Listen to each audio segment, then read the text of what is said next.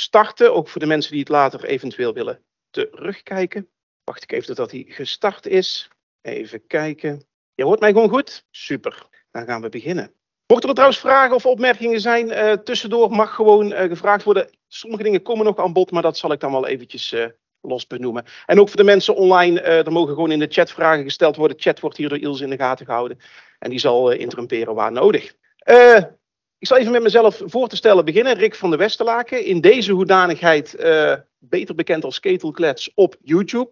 Um, er staat dus gewoon SNS, ASN, onze merken staan eronder, maar ik geef deze presentatie op eigen, op eigen titel. Uh, en de reden van deze presentatie is eigenlijk, of wat ik eigenlijk wil brengen, is met name de, de, de weetjes rondom duurzaamheid die nog niet algemeen bekend zijn. Standaard verhaal, dat kent iedereen wel, zonnepanelen, warmtepomp. Maar daar zitten nog wel wat dingetjes onder die voor ja, veel mensen toch wat nieuwe inzichten brengen. En daar wil ik me eigen op, uh, op focussen. Ik heb weer eens veel te veel sheets in veel te weinig tijd, dus ik uh, ga gauw door.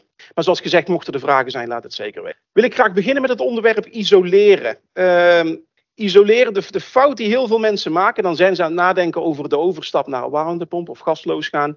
Dan zeggen ze, ja, ik moet eerst mijn woning isoleren, dan pas kan ik naar de warmtepomp over. Maar eigenlijk moet je sowieso beginnen met isoleren, ongeacht hoe je verwarmt. Zelfs al zit je nog op het gas, je huis isoleren kan best de, het gasverbruik van de woning danig laten dalen. Dus er is eigenlijk geen reden om het niet te doen, ook als je nog niet over wilt stappen naar de warmtepomp. Uh, het is kostentechnisch heel interessant, zeker gezien de, de gasprijs. Die is wel gedaald recent, maar hij is nog steeds erg hoog. Nou, wanneer moet je het doen? Gisteren. Uh, vooral niet, niet mee wachten.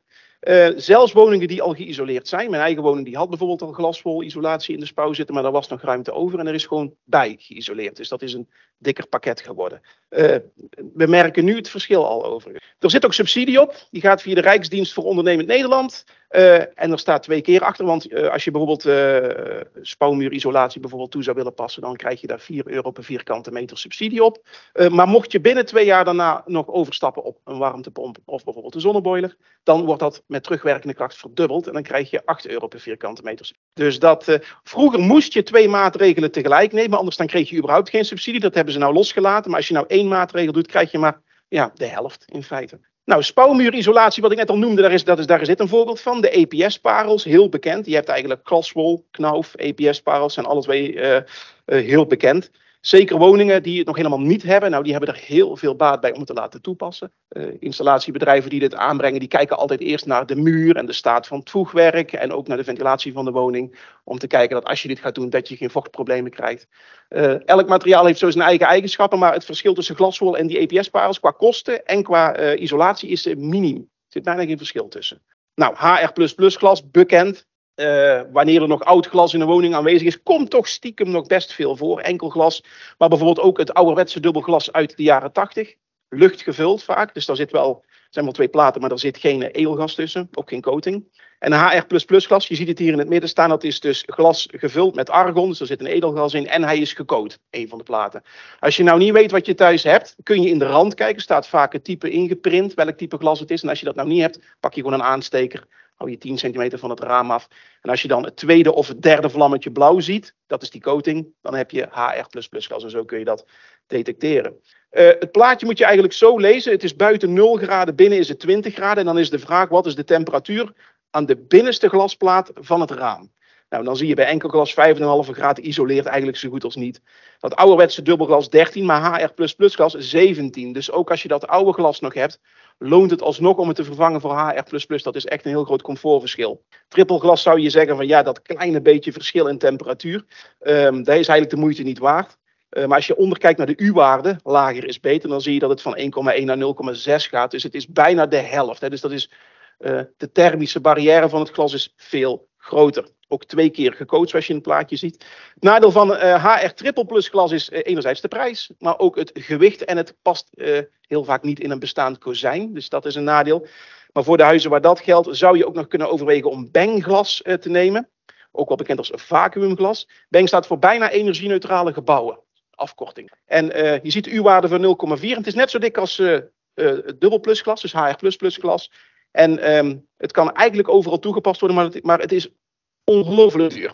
Dus uh, kijk even wat daar, uh, wat daar handig is. Maar het bestaat wel en het wordt ook uh, Zeker bij renovatie van, van, van oude panden wordt het gebruikt. De woning toch dichtmaken is ook altijd een hele goede. Kun je zelfs zelf doen met rolletjes, tochtband en noem het maar op. Is heel goed, is heel goed mogelijk. En ehm, tot slot, vloerisolatie is ook een hele leuke. Alleen let als je daar zelf mee aan de gang gaat op dat wanneer je bijvoorbeeld een kruipruimte hebt. Uh, en die is uh, niet of heel slecht geventileerd. Radongas dat borrelt uit de grond omhoog constant. En als dat onder de vloer uh, ophoopt omdat het niet weg kan, dat het niet weg kan ventileren, um, dan moet je daar wel voor uitkijken. Het is namelijk licht radioactief. Het zou toch wel jammer zijn als jij met goede moed je vloer gaat isoleren en uh, alles goed en netjes maakt en er dan in één keer achter komt dat je twintig jaar te vroeg sterft aan longkanker. Dat zou toch jammer zijn. Radon is een gemeen beestje. Kijk daar dus mee uit. En als je het uit handen geeft, de professionele partijen die hebben meetapparatuur bij en die checken dat van tevoren. Mocht je dat niet hebben, zet het luik even open, laat het goed ventileren en ga dan pas naar beneden. Ja, ja. En daarom heb, zie je heel vaak bij kruipruimtes dat ze van die uh, ventilatieblokjes in het voegwerk hebben gezet bij de buitenmuur, zodat die kruipruimte kan ventileren. Is ook voor het vocht wel beter. Maar dat is ook zodat dat radongas weg kan. Uh, als je dat niet doet, ja, dat gaat over de jaren heen, hoopt dat op. Ja, dan moet je dus echt het trucje met die aansteker gebruiken. Je houdt er gewoon op 10 centimeter afstand een aansteker bij het glas. Uh, zie jij twee vlammetjes, dan heb je enkel glas. Zie je vier vlammetjes van dezelfde kleur, dan heb je ouderwets dubbelglas waar alleen maar lucht in zit. Zie je vier vlammetjes en de tweede of de derde is blauw, dan heb je HR++. En zie je 1, 2, 3, 4, 5, 6 vlammetjes en vlammetje 2 en vlammetje 5 zijn blauw, dan heb je trippelglas. Ja. en, en, en, zie je, en zie je hele kleine puntjes in je glas zitten op vaste afstand. Dat is vacuümglas, dat is dat bankglas. Dat kun je dus op het oog ook zien. Ja, dat vergeet ik structureel bij alle lezingen die ik doe. Ik zal de vraag herhalen, excuses. Volgende onderwerp is warmtepompen. Um, nou, de, de warmtepomp, je ziet hem steeds meer. Er zijn er dit jaar tot nu toe al, ik meen, iets van 170.000 verkocht. Dus ze gaan hard. Uh, nou is dat natuurlijk wel relatief, want er worden elk jaar ook 400.000 cv-ketels verkocht. Dus het is nog uh, een opkomende markt. Maar de meeste van die warmtepompen die worden geplaatst bij huizen, die hebben een, een, dat is een, een lucht-water-installatie met dit dingetje aan de gevel buiten. En uh, ja, dat is een persoonlijke mening, maar ik vind ze er niet heel denderend mooi uitzien. Ik noem dat wel eens ooit Aziatisch chic en dat is geen compliment in deze. ik, vind, ik vind geen verfraaiing van het aanzicht van de woning. Uh, maar heel veel mensen denken dat als je een warmtepomp neemt, dat dat per se met zo'n ding aan de gevel moet zijn. Uh, kan, maar er zijn ook wel wat andere uh, keuzes die je daarin kunt maken. Bijvoorbeeld deze, dat is van Nefit, nieuw product, komt dit kwartaal op de markt of is net geïntroduceerd, zal ergens hierom hangen. Het is een zogenaamde dakwarmtepomp, een monoblok. Dus dat wil zeggen dat de, de, de condenser en de verdamper alle twee buiten uh, zitten. En uh, de split, dan is het de helft binnen en de helft buiten. Dat zal ik wel even laten zien. Maar het voordeel van dit apparaat is dat hij volledig op je dak staat. En je ziet het plaatje daarnaast. Een kleine binnenunit en daarnaast daar staat het vat voor het warme water. Ja, dat is maar net hoe groot je gezin is en wat je wil. Dit is op het oog. Ik gok 300 liter.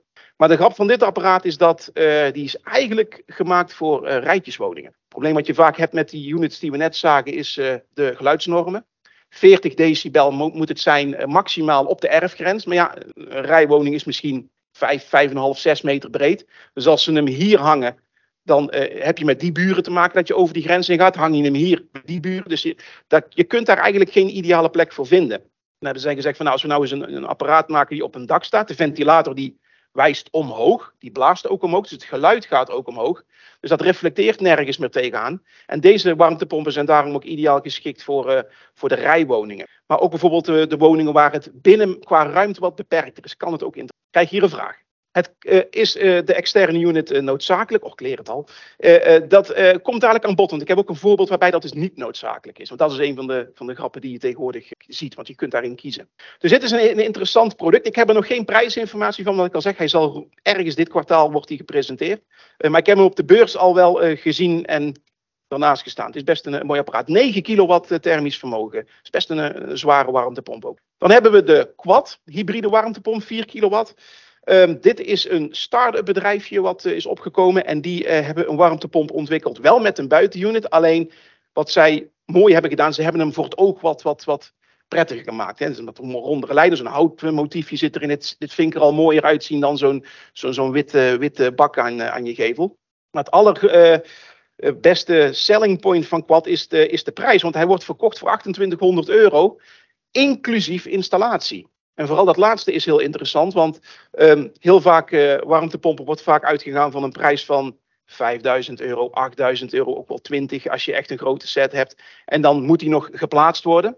En de ja, mensen die vinden dat toch eng, want ja, ze weten niet zo goed waar ze aan toe zijn. En zij zijn daarop ingesprongen. Zij zeggen gewoon 2800 euro. Daar is de RVO-subsidie al vanaf. Maar daar zit de installatie al bij. Tuurlijk, het is een basisinstallatie. Dus wanneer jij een steiger moet bouwen of er moeten extra hoeken aangeplaatst worden enzovoort, dan komt er elke keer wel wat bij. Maar heel scherp in de markt gezet. En dit kan wel eens de chevaux van de warmtepompen worden. Ehm, de, de, de, auto van Citroën is destijds in Frankrijk geïntroduceerd na de oorlog. Ehm, met eigenlijk als doel om het vervoer voor Fransen toegankelijk te maken voor een, een, een hele gunstige prijs. Dat was het doel van dat autootje. Nou, hij is echt, ik weet niet hoeveel decennia geproduceerd. Maar die heeft echt een flinke bijdrage geleverd aan het land.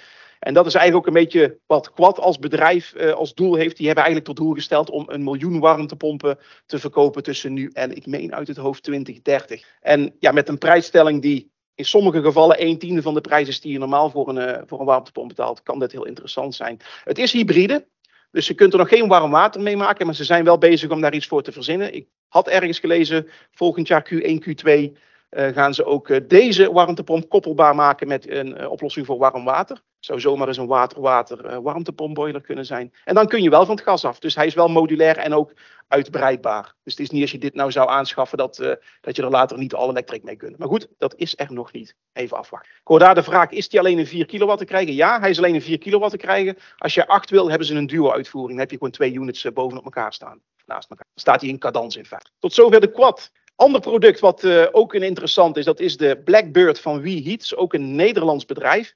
Een warmtepomp van 8 kilowatt. En deze die is eigenlijk speciaal gemaakt voor platte daken. Uh, omdat je ziet ook, de warmtepomp is 90 graden gekanteld tegenover de warmtepompen die je normaal vlak aan de gevel ziet hangen. En het idee is dat deze op platte daken gezet kan worden en eigenlijk dat die wegvalt tegen de achtergrond. Je ziet hem eigenlijk niet. Want als je nou hier dit zo ziet, hè, aanzicht van een huis. Ja, als jij niet weet dat dit product bestaat, dan zou je er zo overheen kijken dat hij er überhaupt staat. Dit ding is wel all electric. Uh, prijs 3000 euro inclusief BTW. Er zit nog een cashback op, maar wel ex-installatie. Dus deze is wel een stukje duurder. Maar hij is ook 8 kilowatt. En dus ook een speciale vorm voor platte daken. Ik krijg hier een vraag. Uh, wat, wat als er vogelpoep invalt of sneeuw? Dat gaat over de vorige, denk ik. Hè? Ja. Nou, in feite, vogelpoep komt doorgaans van boven. Nou, is dat niet altijd het geval als ze hard aankomen vliegen. Maar wat er dan gebeurt is, uh, bij, het, uh, bij de periodieke inspectie kunnen die bladen van die ventilator bijvoorbeeld schoongemaakt worden. Als er sneeuw opvalt, dat is nu niet eens zo'n probleem, want er zit ook eventueel, als die echt dicht zou vriezen, een defrostmodus op. Tenminste, dat hebben ze eigenlijk allemaal, zodat die weer vrijgemaakt wordt.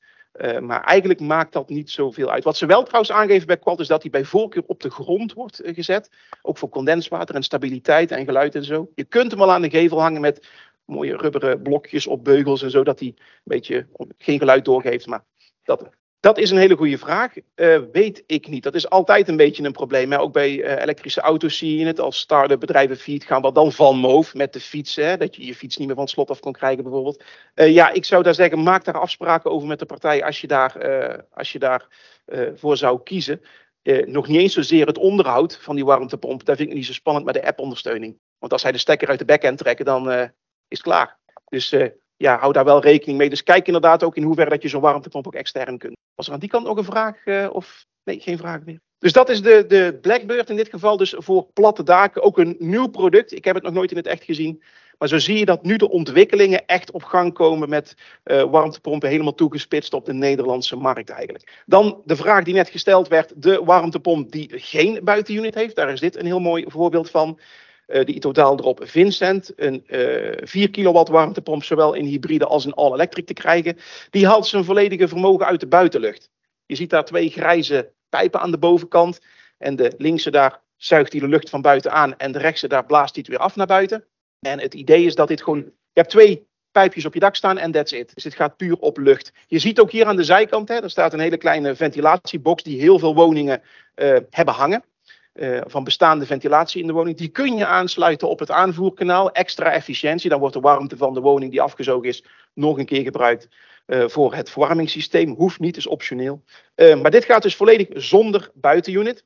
In dit geval zie je dat er wel een CSV-ketel naast staat. dus dit is een hybride setup, maar hij kan ook al elektrisch werken. Enige punt van aandacht bij dit soort warmtepompen, omdat alles met de lucht wordt gedaan, zit dus ook alles wat geluid maakt, zit binnen. Dus uh, in de spec sheet staat dat als deze warmtepomp op vol last draait, dat er 55 decibel aan geluid uitkomt. Nee, dus, dus ze zeggen inderdaad ook in de handleiding van zet er een omkasting omheen, maar dat is wel vollast. Hè? Dus je kunt ook zeggen van ik moduleer een stukje terug. Maar zoals hij hier op dit plaatje staat, met zo'n open ruimte, die snap ik eigenlijk niet, omdat ze zelf in hun eigen installatiehandleiding zeggen dat die eigenlijk omkast moet worden. Ja, ja, ja, ja, ja. ja dat is voor de foto niet handig, nee, maar dus, uh, maar het is wel een, een, mooi product, een Nederlands product ook. Ik heb het op de beurs al gezien. Uh, deze die zie je. Dus als je nou ergens langs een huis rijdt, nieuwbouw, en je ziet twee van die pijpjes boven elkaar uit het dak steken, dat zou zomaar deze warmtepomp. Ja, ja de vraag die hier. Nou, hier in feite, in feite wordt hier gesteld van, in feite hebben ze alles naar binnen gehad. En dat klopt ook, dit is gewoon een monoblok. En waar die Nefit als monoblok buiten stond, staat hier de monoblok binnen. Alleen hij is wel op ventilatielucht uh, gebaseerd. En die andere is gebaseerd op buitenlucht die niet geforceerd hoeft te worden. Uh, de COP-waardes die deze geeft zijn. Ja, ik heb de COP-waardes van die Nefit niet bij de hand. Maar de efficiëntie is niet heel slecht, mag ik wel zeggen. Dus dat valt mee. Prijs is wel een stukje hoger, 37,39. Maar daar moet de subsidie nog vanaf. Vanuit mijn hoofd 2400 euro. En dan moet hij nog geïnstalleerd worden, ex-installatie. Maar omdat hier alles binnen plaatsvindt, heb je geen last met uh, gevelbouw en dat soort zaken. Ja, ja die, de kilowatten die hier staan, dat is het thermische vermogen van de warmtepomp. Dus dat is wat er thermisch uitgaat. En afhankelijk van de COP-waarde met de temperatuur van de bron, dus dat kan de buitenlucht zijn aangezogen of met de buitenunit, dat bepaalt hoeveel dat hij elektrisch opneemt. De meeste warmtepompen die kunnen op een gewoon stop. Ja, oh ja, de vraag. Ja, het kostenaspect wordt, hier, uh, wordt hierna gevraagd uh, met gebruik. Ja, de woning die heeft in feite een bepaalde warmtebehoefte nodig om, uh, om ja, zeg maar comfortabel warm te zijn. Maar daar kun je eigenlijk zo uit het hoofd kun je daar geen prijs aan hangen. Dat is hetzelfde als zeggen van hoeveel benzine verbruikt de Fiat Panda. Ja, dat hangt er vanaf waar je naartoe rijdt. Snap je? Dus heb je een grote woning, kleine woning, wat is je eigen comfortniveau? Vind jij 19 of 18 graden al? Dus dat is heel erg daarvan afhankelijk. Uh, kijk ook altijd als je naar de specsheets van warmtepompen kijkt, kijk bij voorkeur naar de SCOP-waardes, seizoensgecorrigeerde COP-waardes voor een heel jaar. Dat zegt meer, hè? want COP van 8, dat is leuk, maar dat is hartje zomer. Ja, dan heb jij geen verwarmingscapaciteit nodig. Dus dat is, er is niet echt zo uit de mouw iets over te zeggen. Wat ik wel nog mee wil geven is stop met het denken in terugverdientijd. Dat hoor ik constant terugkomen. Snap ik, ik snap hem ook. Maar we zijn daar wat dat betreft als mensen niet echt heel erg consequent in. Uh, wat is de terugverdientijd van een bruiloft? Ja, eh, verdien je hem überhaupt terug? Of, of van een nieuwe keuken? Ook alweer zoiets. Auto, hetzelfde verhaal. Wordt eigenlijk nooit over de terugverdientijd gedacht. En ook niet over een cv-ketel. Dat, is ook, dat is eigenlijk nog wel het mooiste, want de warmtepomp is een vervanger. Vaak voor een cv-ketel. Bij een cv-ketel nooit gesproken over een terugverdientijd. En dat is ook heel logisch, want het ding verdient, verdien je niet terug. Zeg dat dat ding tussen de 8 en 1200 euro kost in aanschaf. En elke kuub gas die erin gaat, komt er 1 euro zoveel bij. Een warmtepomp laat zich überhaupt terugverdienen. Dat niet in alle gevallen lukt, want ja, hè, dat hangt heel erg van je stroomprijs af. Heb je zonnepanelen? Ja, nee. Uh, maar een cv-ketel, dat is een gebed zonder einde als het op kosten aankomt. Hierachter een vraag. Uh, R32 en R290, want de verschuiving van uh, naar propaan met de warmtepompen worden alle twee momenteel gevoerd. Het zijn alle twee moderne koelmiddelen en ze hebben andere eigenschappen. Dus ze worden op andere plekken toegepast. ik hoor hier de discussie over R32 en dat we daar uiteindelijk van, van weg moeten. Uh, dat klopt. Het is uiteindelijk de fabrikant die kiest wat daar wordt. Dus met de CV-ketels ook kiezen ze een RVS-brander of een alu-brander. Dat bepaalt de fabrikant. Uh, dus ja, dat is inderdaad wel iets om. Ja, moet je daar rekening mee houden? Ik vind dat eigenlijk een feitje van de fabrikant. Of een, iets wat zij mee moeten nemen. De airco heb ik niet in de presentatie zitten. Nou, is een airco, uh, dat was de vraag. Kun je iets zeggen over de efficiëntie van de airco? Um, wij verwarmen heel snel warm. Dat zullen mensen wel herkennen, wel herkennen, maar als je hem uitzet is het ook heel snel weer weg. Want dat is een beetje met de warmtepompen die ik hier laat zien. Dat is eigenlijk drop-in replacements voor cv-ketels. Dus die kunnen gewoon op het bestaande cv-systeem worden aangesloten. Op de bestaande radiatoren vaak, vloerverwarming enzovoort. Ja, als warmte eenmaal in een vloer zit, een vloer heeft een hele grote thermische massa. Ja, dat blijft natuurlijk heel lang afstralen. Terwijl als een airco, die verwarmt de lucht, dat is sneller, want er zit geen materiaal tussen. Maar als je de airco uitzet, dan vervliegt het ook vrij snel.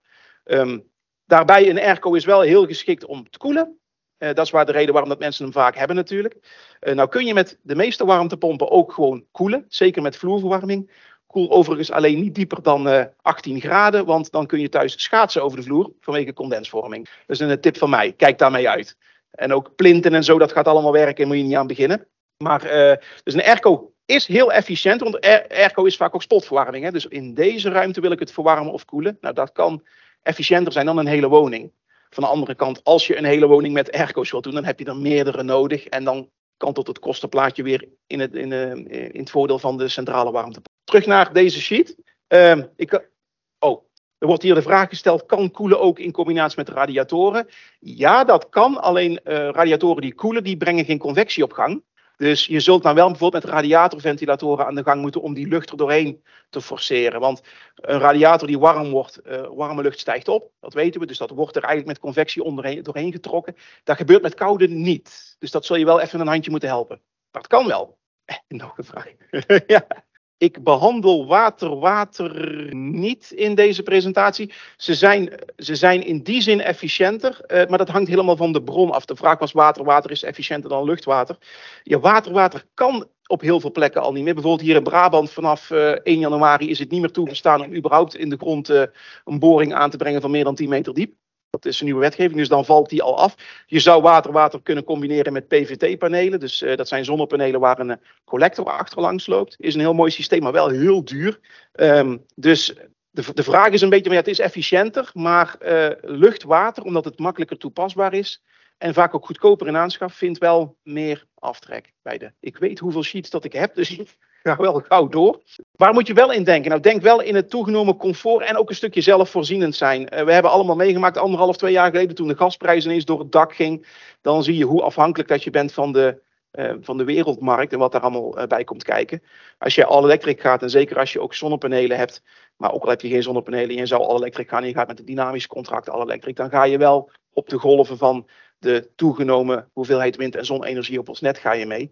En heb je minder last van die uh, grote uh, prijssprongen. Er zijn mensen bijna hoofdelijk failliet gegaan. Of er zijn zelfs mensen gewoon over de kop gegaan puur op de energiekosten. Dus ik vind dat ook belangrijk. Dat is ook een stukje zekerheid richting, uh, richting de toekomst. En dit is een hele belangrijke. Als mensen een warmtepomp willen nemen, maak duidelijke afspraken over de nazorg. Ik heb meegemaakt, mensen warmtepomp gekocht. Ik weet niet hoeveel dat ze er wel in uit hadden gegeven, 20.000 euro of zo. En geen afspraken gemaakt met de installateur over de nazorg. Nou, dan staat die set daar en dan wordt het winter en dan krijg je het huis toch niet goed warm, want het instellen van de stooklijn, dat komt toch heel nauwkeurig, moeten ze terugkomen. Heb jij geen afspraken gemaakt over de nazorg, dan is het gewoon een uurtje factuurtje. Dus maak daar vooraf duidelijke afspraken over, laat het op zwart op wit zetten. Waar kom jij nog voor terug? Zit bij de prijs in en wat is meerwerk? Neem dat echt mee, want dat gaat in de praktijk vaak uh, mis. En dan wil ik nou even een aantal praktijkvoorbeelden uh, de revue laten passeren. Wordt jullie medewerking uh, gevraagd hier in de zaal, maar ook online, dus doe, doe zeker mee. Parkeergarage naar LED. Dat gaat over die parkeergarage daar, die van ons is. Die hebben ze een aantal jaren terug, zijn alle TL-buizen vervangen voor LED-TL-buizen. En um, de vraag die ik aan jullie wil stellen, hoeveel kilometer kun je rijden met een elektrische auto, puur en alleen op de besparing van de verlichting in de parkeergarage. Volgens mij armatuur hebben ze zelfs laten hangen. Ze hebben alleen de TL-buizen vervangen. Hoeveel kilometer kun je daar met een elektrische auto rijden? O, uh, mensen online, uh, doe gerust mee. Op jaarbasis. Hoeveel kilometer kun je op jaarbasis rijden met een elektrische auto? Juist, juist, juist, juist. Ja, ja, ja. Dan ben ik toch heel benieuwd. Tesla Model 3. 1350 kilometer hoor ik daar. Wat, 10.000 hoor ik hier. Wat hoor ik hier online, Ilse? 10.000, 30.000, 40.000. Eenmaal, andermaal. Ik voel me net zo'n veilingmeester. 100.000.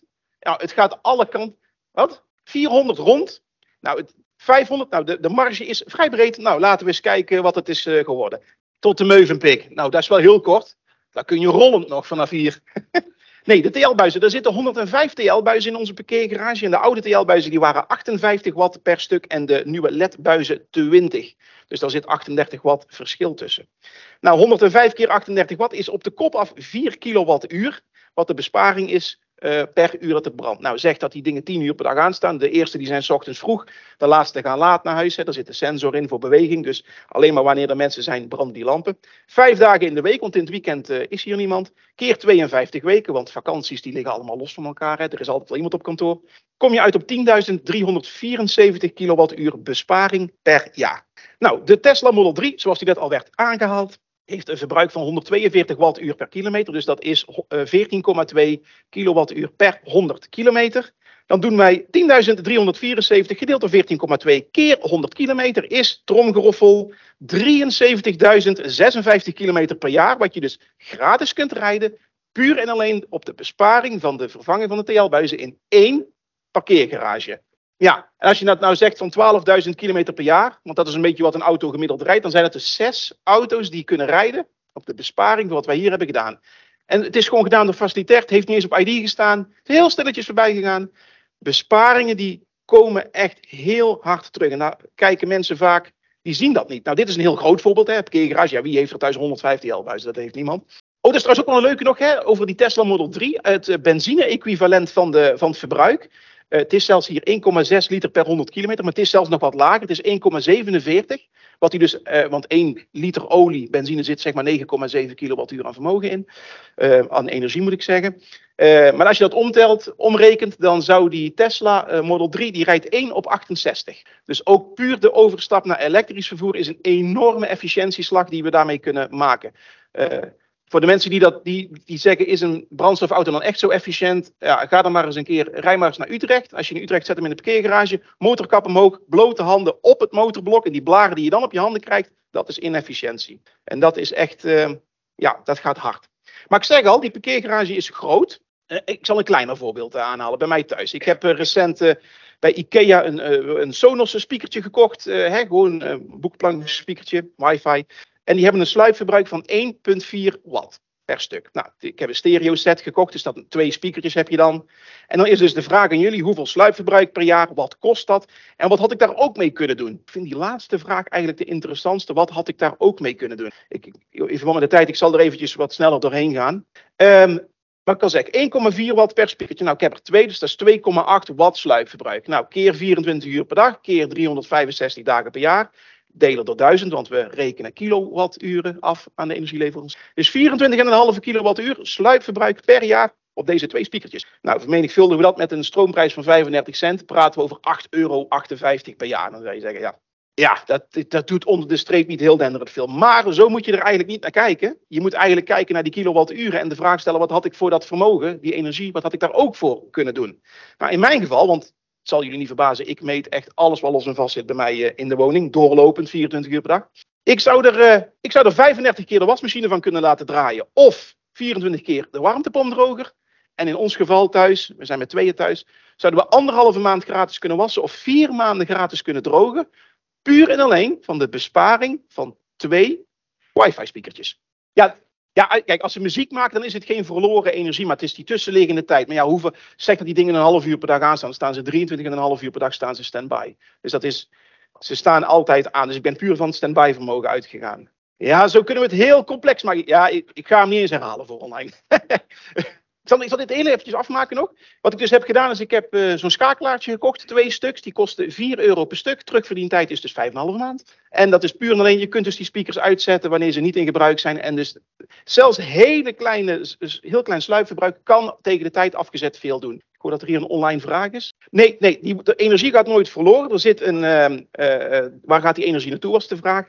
Er zit een, eh, een wifi modempje in die, in die speaker. Die staat constant standby. Die is ook verbonden met je wifi access point. En die is eigenlijk constant aan het luisteren naar commando's die hij vanuit de Sonos Cloud krijgt. Als jij vanuit je telefoon daar bijvoorbeeld een stream heen pusht. Dus dat is waar dat vermogen in gaat zitten. Nou, hangen ze aan de, aan de stekkerbalk waar heel je, heel je, je tv-blok op zit bijvoorbeeld. Ja, dat scheelt al heel veel. Ja. Maar ben je daar bewust van? Hele klein, dat 1,4 watt, nou als je een keer tegen de deur aanloopt, dat is al fors meer dan dat, zeg maar. Dus het is heel weinig vermogen. Maar dat, ja, de tijd, dat is het. Want heel vaak wordt er gezegd, sluipverbruik is centenwerk. En dat klopt ook, hè, dat zagen we net. Maar als ik voor elke seconde in een jaar 1 cent krijg, dan hoef ik niet meer te werken. Dat gaat heel hard. En hier zijn mensen zich niet van bewust. Want die besparing die je dus doet, komt elke seconde en elke tijdseenheid weer terug. Dus neem dat ook vooral mee. Nog een vraag. Ja, dat zou je kunnen doen. Je hebt ook uh, Home Wizard uh, smart stekkers. Heb je. je hebt stekkers van, die van de HEMA. Die zijn ook goed koppelbaar met, met de algemene domotica platformen. Ik gebruik die zelf ook. En ik heb er zelfs ook zelf taken aan hangen dat wanneer um, mijn vrouw thuis de televisie uitzet, dan daalt het vermogen van de hele AV-installatie onder de 20 watt. En er zit dan een regeltje op. Als dat drie kwartier duurt, gaat die uit. Dus dat, uh, en trouwens ook, dat is trouwens ook wel leuk om even te vermelden. Mijn, mijn vrouw die is nogal gek op, op Netflix kijken. Maar uh, iedereen die Netflix kijkt, die weet wel dat je eens een keer in slaap kunt vallen. Heb ik een, uh, een timer van een uur op de televisie zitten. En een timer van een uur op uh, de, de Digibox, in ons geval een Apple TV. En net degene die als eerste, zeg maar, uh, dan krijg je zo'n melding, hè, druk op een toets om te zeggen dat je nog actief bezig bent. Dan stopt hij ook. En dan gaat de tv dus ook uit en dan heb je daar geen sluipverbruik meer van. Want ja, televisie dat is veel vermogen. Bijkomend voordeel, dan stopt hij dus ook waar je bent in de aflevering. En dan is het niet de volgende ochtend van shit, waar ben ik gebleven? Ik ben al drie seizoenen verder. Uh, waar ben ik? ja, ik hoor je dat herkenbaar is. Nou, doe daar eens ook iets mee. Uh. Dus twee instellingen, kwartiertje werk, lang leven de lol. Kleine investering, extreme besparing. Dit is ook een heel mooi voorbeeld. Uh, de grootste besparing is te behalen bij apparaten die 24-7 aanstaan. En ja, witgoed is daar het bekendste voorbeeld van. Denk aan vriezers, koelkasten en dat soort zaken. Ook overigens pompen van de vloerverwarming, die worden heel vaak over het hoofd gezien. Um, daar ging toen wij in ons huis kwamen wonen, wel er twee. Die stonden 24 uur per dag aan. Daar ging meer dan 300 euro aan stroom in zitten. In twee pompen. Dus zet daar een pompschakelaar op. Als je niet weet wat dat is, stuur me even een Teams berichtje. Dan help ik je er wel mee. Dat is echt uh, een hele flinke klapper die je kunt maken. Maar witgoed is ook een hele uh, bekende. En ik heb hier ook weer een concreet voorbeeld van. Mijn moeder had een uh, vriezer, een oude, een oude had ze staan. Uh, zij heeft een eenpersoons huishouden. Uh, stroomverbruik 1236 kilowattuur uh, per jaar, wat haar hele woning doet. En zij is een gepensioneerde babyboomer, dus de helft van het jaar op vakantie. Ehm, is dat relevant voor deze case? Nou, niet echt, maar ik moet ergens naartoe met mijn afgunst, dus dan steek ik hem hier maar in. Um, maar dat is wel het geval. Hè? En de oude vriezer die, die zij had, was er eentje van 100 liter inhoud uit 1996. En die hebben we dit jaar vervangen voor een nieuwe. 60 liter, ja, één gezin, één persoons uh, huishouden, 100 liter. Die vriezer was vaak gewoon twee derde leeg. Dat is gewoon heel erg zonde. Ben je wel aan het koelen. Dus kies hem ook een maatje kleiner. Hè, dan scheelt dat ook alweer in het energieverbruik. En aangeschaft in 2023. Dus nieuwe koelmiddelen, nieuwe isolatie, nieuwe energielabels. Speelt allemaal mee. En dan is de vraag weer voor jullie en ook voor online. Hoeveel procent is het stroomgebruik van het hele huis gedaald? Ter info, het enige wat we hebben gedaan is een vriezer vervangen. Roept u maar. 30 hoor ik hier. Ik, ik kan overigens niet toveren. Hè. Dit zijn echt praktijkcijfers. Het is niet, dat ik, het is niet nul. 7,5. Ja, ja, ik heb hem ook in kilowattuur. Heel goed, heel goed. 80. nou, ik zal hem, ik zal hem even. Het gaat alle richtingen uit. Maar dat is wel leuk, want dat geeft. Oh, als je met 80. Ja, ik heb een keer een maat van mij geholpen. Die had ook een vriezer. Die was heel onzuinig. En toen gingen we kijken. Die stond op min 35. Ik zeg, nou, dan moet je misschien. Uh, het is leuk om een lijken op te slaan. Maar uh, nee, dat is niet nodig. Min 18 is, is koud genoeg. Als je me niet gelooft, kijk aan de zijkant op een pizzadoos, daar staat het. Er. Nee, de nieuwe vriezer die is 306 kilowattuur per jaar zuiniger dan de oude. Dus dat is uh, 930 min 1236 keer 100 natuurlijk, hè, uh, is 24,8. Dus zeg 25% van het stroomverbruik van het hele huis is weggespeeld met het vervangen van één vriezer. En hiermee wil ik alleen maar aanhalen dat. Uh, kijk, het allergrootste nadeel van witgoed is dat witgoed gewoon niet stuk gaat. Ik kom regelmatig vriezers tegen van 40, 50 jaar oud. Die staan nog steeds te brokkelen. Maar die rubbers die sluiten helemaal niet meer goed af. En daar zit, de isolatie is helemaal niet meer, niet meer goed. Ik kreeg bij deze vriezer ook de opmerking uit mijn YouTube-kanaal van, nou, die, die, die compressor zal wel kapot zijn geweest. Nee, nee, nee, het stroomverbruik staat letterlijk op het stickertje. En ik heb het ook gemeten, dat klopt nog steeds. Ongelooflijk onzuinig. Dus, als jij thuis een koelkast of een vriezer hebt die zegt, ouder is dan 10, 12 jaar, dan moet je echt overwegen om een nieuwe aan te schaffen. Want dat verdient zich zo ongelooflijk snel terug. Ik heb, er geen, ik heb er geen prijskaartje aan gehangen, maar 306 keer 35 cent. Nou, dat is toch een uh, leuke besparing. Vrieskistje kostte trouwens iets van 240. Dus dat is uh, terugverdientijd van 2,2 jaar. Ik heb ook nog een paar stellige stellingen meegenomen. Dat is ook wel een leuke. Um, uh, daar zijn gewoon eigenlijk vragen die wil ik jullie gewoon stellen om er eens over na te denken. Uh, dit is ook dat stukje veiligheid wat ik net noemde. Hè. We hebben het hier over elektriciteit en heel vaak dan zijn bepaalde dingen bij mensen niet bekend. Hier heb ik een vraag. Een aardlekschakelaar werkt alleen bij geaarde stopcontacten. Wie zegt ja, dat is zo? Één jaar hiervoor heb ik. Wat zegt online? Nee, ja, nee, ja. De, de meerderheid hier is nee in ieder geval. Alleen maar nee, nee, nee, nee, nee. Nou, daar vind, ik, dat, dat vind ik heel positief om te horen. Heel positief, want het is namelijk inderdaad een nee. En dat is maar goed ook. Want anders dan zouden alle apparaten die zo'n stekker hebben niet beveiligd zijn. Het is ook een beetje een gemeen plaatje overigens. Hè, want ik heb daar de bruine en de blauwe draad en de aardedraad. Maar als je naar de aardlekautomaat kijkt, dan zitten met twee schroeven bovenop. Want die aardedraad gaat naar de aardrail helemaal niet mee. Een aardlekschakelaar, wat doet hij eigenlijk? Die kijkt naar hoeveel stroom, in ampère, er via de bruine draad naar de groep toe gaat. Er wordt gekeken hoeveel er via de blauwe draad weer retour komt. En dat moet exact hetzelfde zijn. Is dat niet exact hetzelfde, dan lekt er ergens iets weg naar aarde, aardlek, daar komt de naam vandaan. En in het gunstigste geval is dat een geaard apparaat met een stalen mantel waarbij het via de aardpen wegvloeit met een geaarde stekker.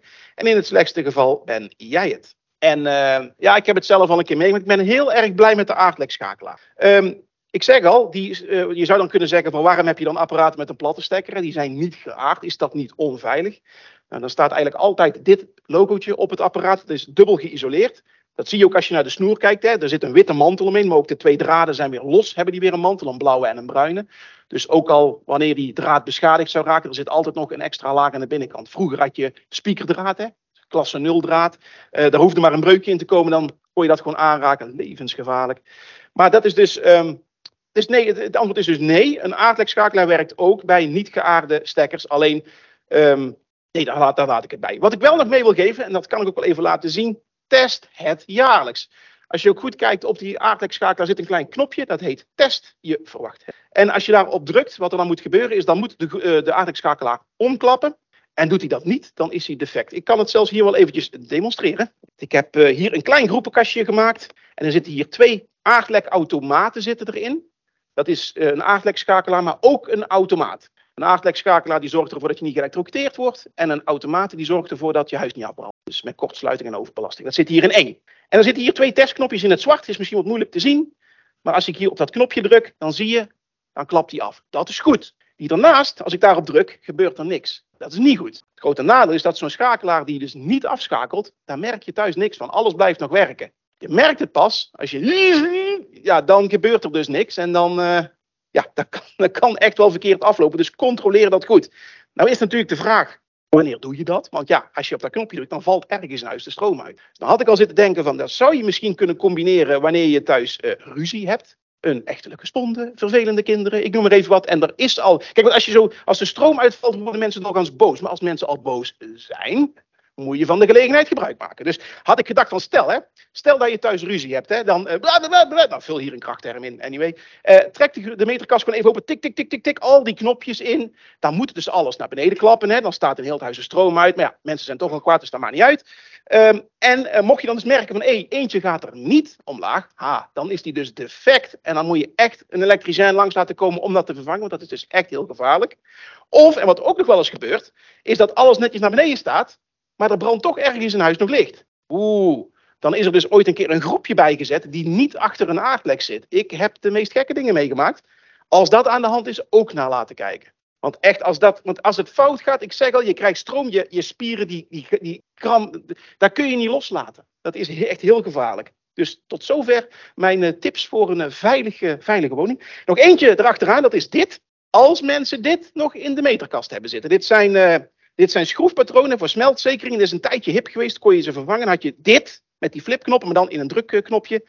En dan hoefde je geen nieuwe meterkast of groepenkast aan te schaffen. Deze dingen zijn noodwaar onveilig. Als je die ergens ziet, bij bekenden, bij de sportvereniging, al zie je het op het NS Centraal Station, je trekt ze eruit en je smijt ze weg. Die dingen zijn zo. Ik heb net even zitten spelen, hè, want je kunt ze indrukken en dan moeten ze weer eruit komen. Maar net, hij bleef net al hangen. Ze schakelen niet af.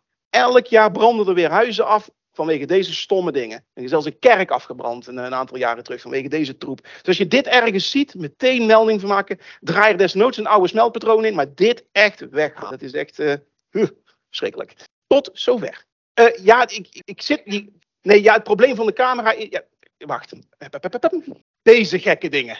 Dit. Weet je dat het enigszins zichtbaar is? En anders moet je mij gewoon even via Teams contacten. Dan maak ik er een foto van en dan deel ik hem even. Het is echt verschrikkelijke rol. Overigens, dat is nou wel even een leuk weetje. Want er moet ook wel wat onzin verkondigd worden natuurlijk. De stekker die hier in beeld staat noemen we de Eurostekker. En die heet de Eurostekker.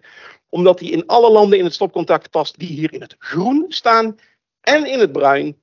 En in het roze. En als je wat harder duwt. Zoals met meer dingen in het leven. Dan past die zelfs in Engeland in het stopcontact. Dus dit is echt... Uh, als we het hebben over backwards compatibility, dan is dit wel echt een, een, een stekker, eh, the, one who rules them all.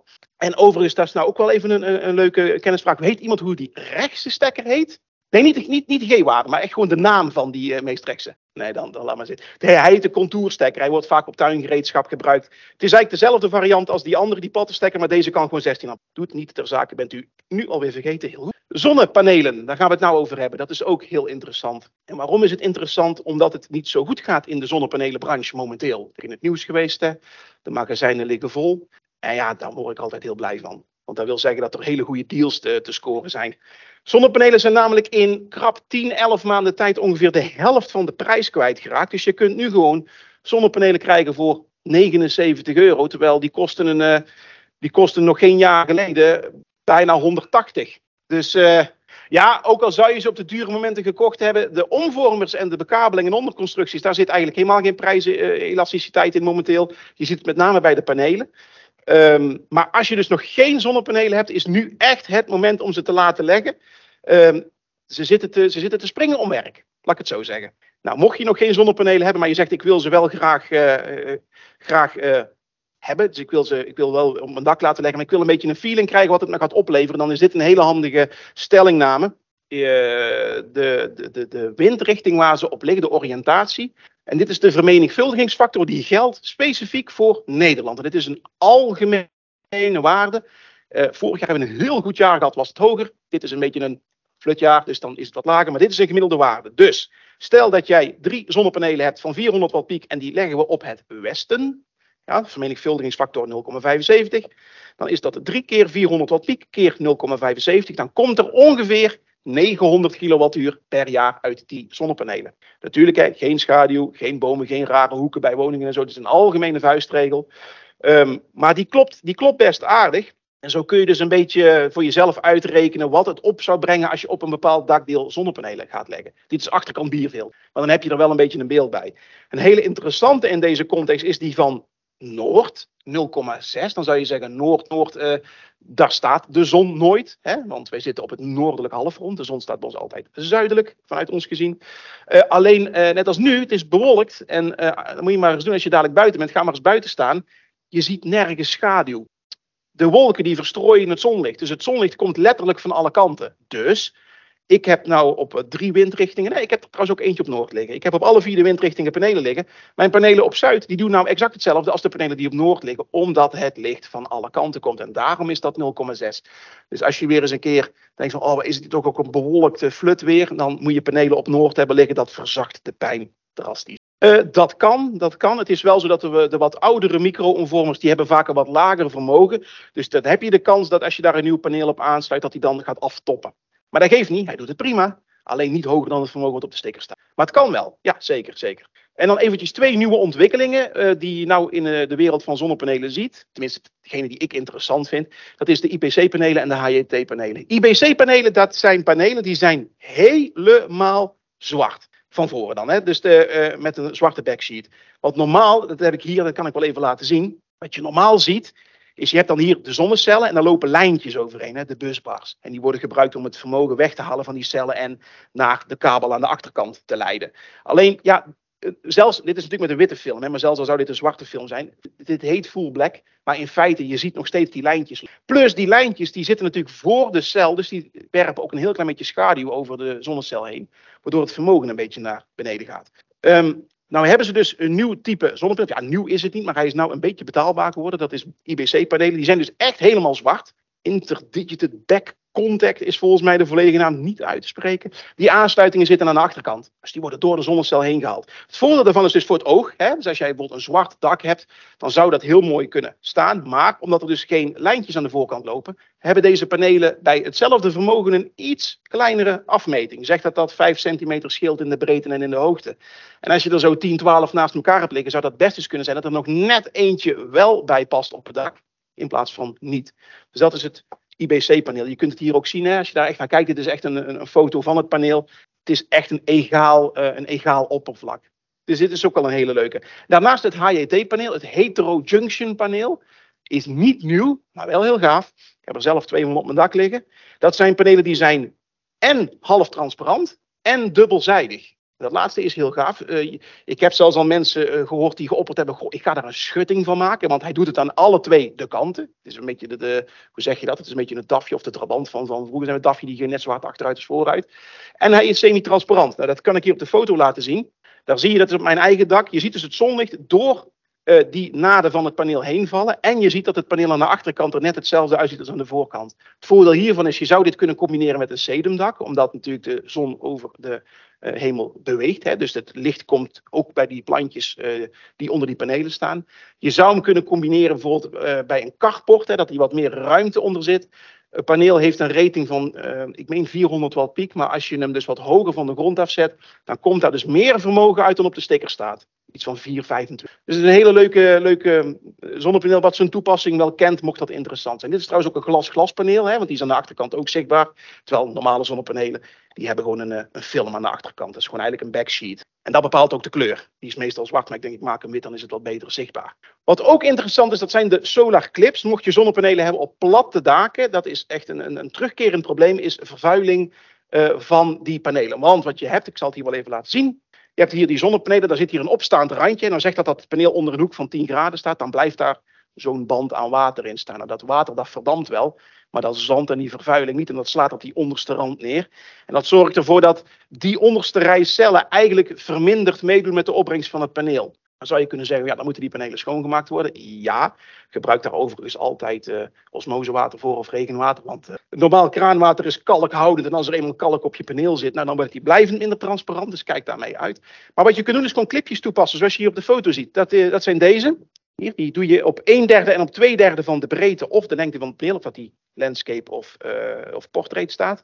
Die klik je er gewoon op. En het idee daarvan is, dan krijg je eigenlijk de wet van de communicerende vaten. En dan zul je zien dat het water gewoon van het paneel afloopt. Onder een bochtje. En uh, dan loopt dus ook het vuil weg. En vervuilen je panelen veel en veel minder. Die dingen die kosten een paar losse euro's. Um, echt, als je liggende panelen hebt op platte daken, zou ik die echt toepassen. Twee per paneel zou ik zelf doen. Mocht je ze trouwens willen vinden, dan contact me maar even. Dan uh, kan ik je wel verwijzen. wijzen. Nog een stellige stelling. Als straks de salderingsregeling stopt en je hebt een één fase solaromvormer op een drie fase slimme meter, dan ga je financieel het schip in. Want je bent maar op één fase stroom aan het leveren vanaf je zonnepanelen en jij neemt op drie fase stroom af. Roept u maar. Hier in de zaal en online. Online mag ook mee. Ik hoor hier het woord onzin. Heel ferm. Onzin. Ik, ik, ik, ik, heb wat lekkers meegenomen. Ik vond die onzin die ik nou net hoorde, dat vond ik zo'n goeie hier. Vangen uit te delen aan het team of lekker zelf op te eten, omdat er zo'n goede antwoord is gegeven. Want het is inderdaad waar, het is onzin. En dit gaat heel vaak fout, vandaar dat ik hem eventjes toelicht. Bij die slimme meter loopt maar één telwerk tegelijk. Eentje. Er zitten er vier in. Piekafname, dalafname, piek terugleveren, dal terugleveren. Maar die maken geen onderscheid in fases. Dus stel je voor dat jij met je zonnepanelen 2 kilowatt, uh, 2 kilowatt aan het opwekken bent. En jij verbruikt op dat moment op een andere fase ook 2 kilowatt dan staat het actieve vermogen op de slimme meter op nul. Dat is ook logisch, want als je vroeger een draaischijf had, had één draaischijf in, dat was duwen en trekken van twee kanten, dan stond die ook stil. Dat hebben ze nu ook in de slimme meter zitten en dat is ook maar goed ook. De, de verwarring zit, er zit erin, als mensen met eh, van die dongeltjes aan de gang gaan. Hè. P1-dongeltjes, die kun je in de slimme meter vooraan in uh, prikken. Kun je in een ander platform kun je de gegevens uitlezen. Dan zie je de fases wel los van elkaar. Maar de data die naar de netbeheerder gaat en dient ten gevolge naar jouw energieleverancier, dat gaat via P4, ander rapport, via uh, GPRS of via LTE, afhankelijk van de leeftijd van je meter. En daar zit maar gewoon, zitten vier waarden in, dat zijn deze vier, en daar wordt helemaal niet naar fases gekeken. Dus dat heeft niks met de salderingsregeling te maken. Je slimme meter trekt dit recht. Dus neem dat mee. Weer een zorg minder, gelukkig. Er is in het verleden wel een, een, aantal meters geweest die deden dit fout, maar die hebben allemaal een software update gehad of die zijn zelfs preventief. Zonnepanelen.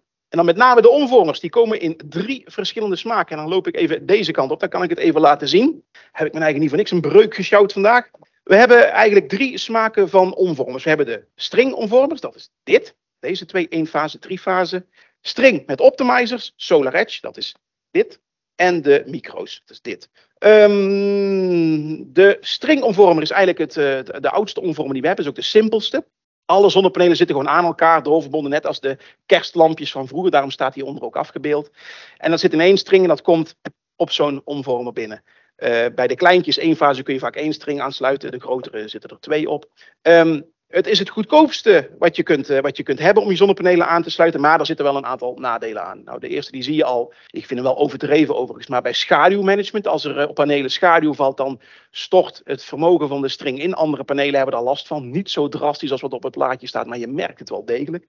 Uh, dat speelt mee. Je hebt geen monitoring op paneelniveau. Dus je kunt niet van elk paneel zien hoe of wat.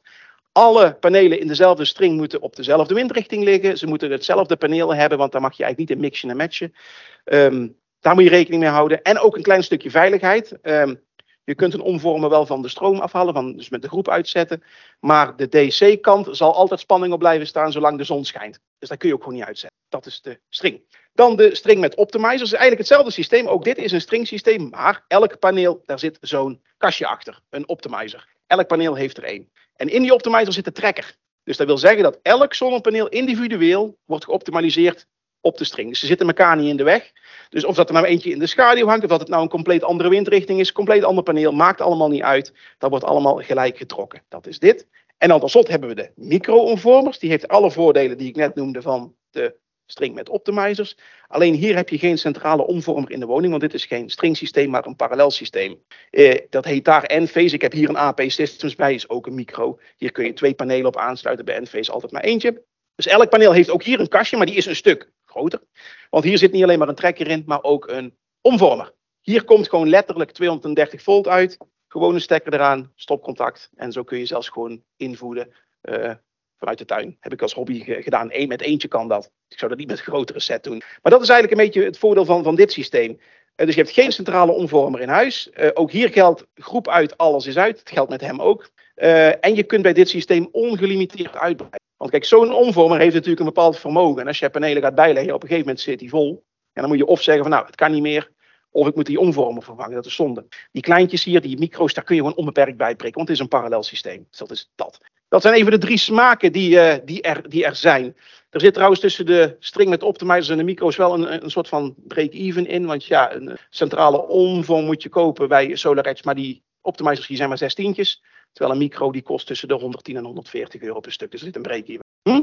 Ja, dat hoor ik inderdaad ook uit de markt. Ik heb, er zelf, ik heb zelf alle twee de systemen. Bij mij is nog niks defect gegaan, maar ook al gaat die defect, zij vergoeden gewoon dat het vervangen wordt onder garantie. Dus kostentechnisch um, doet het niet heel denderend, uh, heel denderend veel. De, ik zeg altijd, als een, een, setje zeg maar kleiner dan 11 panelen is, dan zou ik voor de micro's gaan. Is die groter, zou ik voor SolarEdge kiezen. Dus prijstechnisch. Ik noemde het net al, de trekkers. Je ziet dat hier ook. Hè. Die kleine, dat heeft één trekker. Die grote heeft twee. Dat zie je ook. Hè. Hier er zit één setje aansluitingen en deze 1 kilo zitten er twee. Zie je? Twee, eh, twee trekkers. Hier zit er één, dus publieksparticipatie. Dat is dus fout, want de trekker zit in de optimizer. Dus het is afhankelijk van hoeveel panelen er aan je systeem hangen, hoeveel trekkers dat je hebt. Maar die zitten dan dus hier en hier zit er dus ook hier eentje in. Wat doet nou een trekker? Dat is een, eh, een vraag uh, die nog wel eens terugkomt. Um, als we even een gewoon zonnepaneel nemen, 36,4 volt, 11 ampère, 400 watt piek. Die 400 watt piek die hebben we trouwens in Nederland, halen we die nooit, want het gaat over 1000 watt per vierkante meter. Uh, als we hier echt zon hebben in de zomer, dat, je, dat, dat, de zon echt op je kop brandt, dan zitten we hoog in de 800, laag in de 900. Maar die 1000, die halen we hier niet. Vanwege onze noordelijke ligging. Op de Evenaar schijnt de zon recht van boven, dan hoeft hij maar een kleiner stukje door de atmosfeer heen. En daar haal je dat wel. Dus bij ons is het altijd ietsjes lager. Maar stel even een, een, een, voorbeeld. Je sluit hem aan op een accu, die is 12 volt. Daar loopt ook 11 ampère. Dit is een rudimentair voorbeeld, want die curve is niet lineair. Maar dan heb je maar 132 watt piek en heb je dus 67% verlies. Door daar een trekkertje tussen te zetten, die zorgt ervoor dat die twee spanningen op elkaar aangesloten worden, DC-DC. Um, ehm, en dan heb je dus wel uh, de opbrengst van dat zonnepaneel, maar heb je dat wel passend gemaakt bij het verbruik uh, of bij de behoeften van uh, in dit geval die accu. Ja, dat, dat, er is maar, ik, dan krijg je de vraag, zou je adviseren om alle twee de, de, dakdelen vol te leggen van een woning? Dan zeg ik ja, uitgaande dat dat oost-west is. Maar zelfs al zou het noord-zuid zijn, zou ik het ook doen. Want een dak waar geen panelen op liggen, levert per definitie niks op. Dat vind ik persoonlijk heel zonde, zeg maar. Want je gaat straks naar een warmtepomp, je gaat mogelijk elektrisch rijden, je krijgt een nieuwe all-electric keuken enzovoort. Dus dat vermogen dat komt doorgaans wel op. Dus, en zeker omdat nu de, panelen nog zonder BTW gekocht kunnen worden. God weet wat het volgend jaar gaat doen, dat weet je toch nooit. Hier ook weer even een vraag voor jullie. De route van je zonneopwek. Zonnepaneel wekt 2 kilowatt op. Er staat op dat moment van 2 kilowatt een wasmachine aan. Hoe loopt de stroom? In de slimme meter trouwens, die roept maar. Ja, maar wat, hoe loopt die van wat naar wat? Want dit gaat ook heel vaak fout, dat mensen dit niet in de gaten hebben. Ja, en dat is dus precies helemaal fout. nee, hij loopt zo. Hij gaat rechtstreeks. Hij komt dus niet langs de slimme meter. En we hebben net gezien, al komt hij wel langs de slimme meter, omdat er twee verschillende fases zijn, dan trekt de meter het recht. Maar hij pakt altijd de kortste route. Dus je eigen zonneopwek, wanneer je dus op dat moment in huis bijvoorbeeld een vaatwasser aanzet of uh, gaat koken elektrisch, ik noem maar even wat, dan zal je met eerst je eigen vermogen opsoeperen. En dan komt er pas uit het net. Maar dit, dit gaat heel vaak fout dat mensen dit niet in de gaten hebben. Nee, dat is eigenlijk gewoon de, de wet van de minste weerstand eigenlijk. Het vermogen wordt met een, met een, met een, met een ja, dat zeggen, een stroombron is het in feite een zonnepaneel. Hè? Wordt met een iets hoger, hogere spanning wordt dat weggeduwd. En uh, ja, dat duwt eigenlijk gewoon, de, het vermogen uit het net duwt het weg. Dat is eigenlijk gewoon een natuurkundig principe. Ja, ik had het niet beter kunnen zeggen. ja. Ja. Ja, ik, de vraag over waterstof. En ik heb ook al foto's gezien van gasleidingen die in de straat gelegd worden, waar met een hele grote sticker op staat, ook geschikt voor waterstof. Want waterstof is vluchtiger en kleiner moleculen en zo. Dan zeg ik altijd van ja, mijn bankrekening is ook geschikt voor een saldo van 10 miljoen, maar dat wil niet zeggen dat het er ooit op komt. Dus met die leidingen ook. Ik, kijk, ik zie dat zelf niet gebeuren. Uh, om de simpele reden dat nu dit allemaal goed verkrijgbaar is. Je kunt je eigen opwek kun je gebruiken, zeker als er dadelijk een, nog een thuisaccu bij zou komen. Waterstof zul je nog altijd van een derde moeten aankopen. Je kunt niet individueel over op waterstof, want wat er bij mij uit de gasleiding komt, komt er ook bij de buur uit. Dus Iedereen moet tegelijk over, anders kan het niet. Overigens, elke bestaande cv-ketel kan gewoon branden op 20% waterstof bijgemengd bij het aardgas. Daar brandt die gewoon op. Verbrandingswaarde van waterstof is een stuk lager dan aardgas, dus je hebt er dan ook weer meer voor nodig. Dus onder de streep besparing CO2-uitstoot doet het niet veel, al was het maar omdat eigenlijk alle waterstof die we nou hebben in feite nog steeds grijs is en uit aardgas wordt gekraakt. Ja, dan kan je goed meteen aardgas uh, blijven gebruiken. Waterstof heeft in woonhuizen en personenvervoer in mijn ogen geen. Uh, ondanks dat Enexis recent wel begonnen is met een proefwijk. Maar ja, kijk, het is ook een beetje het punt. Ik, ja, dan moet je weer uitkijken dat je niet te conspiratieachtig gaat worden. Maar kijk, niemand wil dat gasnetwerk afschrijven. Terwijl iedereen die een warmtepomp neemt en zijn gasleiding opzegt, die doet niet meer mee. Die betaalt geen vastrecht meer. Dus, dus iedereen die nog gas blijft gebruiken, daar wordt het dus ook steeds duurder voor. Want daar zitten vaste kosten over minder hoofden wordt dat verdeeld. Maar ik hoor hier de vraag over waterstof bij, bij personenvervoer. Uh, eigenlijk is iedereen ermee gestopt, behalve Toyota. Die blijven er nog steeds heilig in geloven. En, en BMW recent, maar ik merk toch dat het met name vaak het grotere transport. Dus dan heb je het over, uh, over vrachtwagens en dat soort zaken. Uh, schepen, dat is ook een heel bekend voorbeeld. maar ja, de, de, de, verliezen met het, met het maken van waterstof uit elektrolyse zijn dusdanig dat het is eigenlijk de laatste oplossing. Het is wel schoon, maar je gooit gewoon twee derde van het vermogen weg. Als je waterstof gaat produceren uit windenergie, dan draai je twee van de drie windmolens niks. Want dat is het roundtrip. Ja, ik moet wel weer door. Ik heb het aantal sheets. Oh, toch. Thuisaccu, doe even aan het einde. Help me even herinneren. Uh, belasting, ook goed om te weten. Je betaalt alleen BTW 21% en energiebelasting, dat is 15,25 cent per kilowattuur, inclusief BTW. Ja, wij betalen in dit land BTW over een belastingcomponent, over je netto positieve verbruik. Dat wil zeggen, als jij dus uh, zegt, jij wekt in een jaar 3000 kilowattuur op met je zonnepanelen en je verbruikt dat jaar ook 3000 kilowattuur, dan is dat dus nul. En betaal je dus ook geen belasting en geen BTW. Stel je voor, jij wekt 2000 kilowattuur op en je verbruikt 3000, dan betaal je alleen maar over die 1000 betaal je BTW en energiebelasting. Of ben je zoals ik en wek je gewoon twee keer meer op dan dat je zelf verbruikt, dan is het dus negatief, netto negatief verbruik, betaal je ook geen BTW en energiebelasting. En dit is ook weer onderdeel van de salderingsregeling. Um, als je gaat kijken naar contracten, maar dat is ook wel belangrijk. Hè? Je, hebt, je hebt eigenlijk drie smaken. Even voor de, voor de volledigheid. Vaste contracten, dat kennen de meeste mensen wel. Hè? Vaste tarieven gedurende de looptijd. Meestal 1, 3 of 5 jaar heeft sinds dit jaar wel een opzegboete, is nieuw. Vroeger moest je 50 euro boete betalen per product, dus voor stroom en gas. Uh, als je voortijdig opzegde. Tegenwoordig gaan ze er een beetje mee om zoals met de hypotheken. Dus wat is de stroomprijs nu? Wat is jouw beoogde verbruik gedurende de resterende periode die je bij onze klant zou zijn geweest? En dat verschil willen wij vergoed zien. Dus dat kan zijn dat je daar echt honderden of misschien wel duizenden euro's uh, het schip in gaat als je voortijdig opzegt. Dus hou daar rekening mee. Belastingtarieven wijzigen trouwens wel elk jaar, gewoon tijdens kalenderjaren. Dus als mensen ooit zeggen, ik heb toch een driejarig vast contract, hoezo gaan mijn tarieven weer omhoog? Mijn voorschot kan met de belasting te maken hebben. Tenminste, als je überhaupt belasting moet betalen. Wink, wink. Variabele contracten, die kennen we ook al wat langer. Twee keer per jaar nieuwe tarieven op 1 januari en 1 juli. Geen looptijd, dient ten gevolge ook geen opzegboete. Vaak salderen per tariefsperiode, dat is een smerige. Daar kom ik daar nog even op terug. Ja, smerig. Ik snap al dat ze het doen, maar dat moet je wel even in gedachten houden. En vaak krijg je een hogere terugleververgoeding dan bij vaste contracten. Let wel, Terugleververgoeding geldt alleen maar voor de hoeveelheid zonne-energie die je uh, opwekt boven hetgeen wat je nog van je eigen verbruik kunt salderen. En tot slot dynamisch, stroomtarief elk uur anders en gas elke dag anders. Terugleververgoeding is altijd 100%. Dus als de stroom nu 25 cent kost en jij zou een kilowattuur invoeden, krijg je voor die kilowattuur gewoon 25 cent. Kan heel interessant zijn voor mensen die zonnepanelen op oost-west daken hebben liggen. S ochtends is stroom heel duur, s'avonds met avondeten ook kun je in de toekomst, of misschien zelfs nu al, heel leuk rendement mee halen. Salderen gaat per uur, behalve de belastingen, die gaan per jaar. Belastingdienst maakt het niet uit wat voor type contract je hebt, dat is altijd per kalenderjaar. En dit is ook het enige waar de stroomprijs negatief kan gaan. Komt heel veel in stroomprijs negatief, oh zonnepanelen, dit en dat. Als jij geen dynamisch contract hebt, is dat voor jou een non-argument.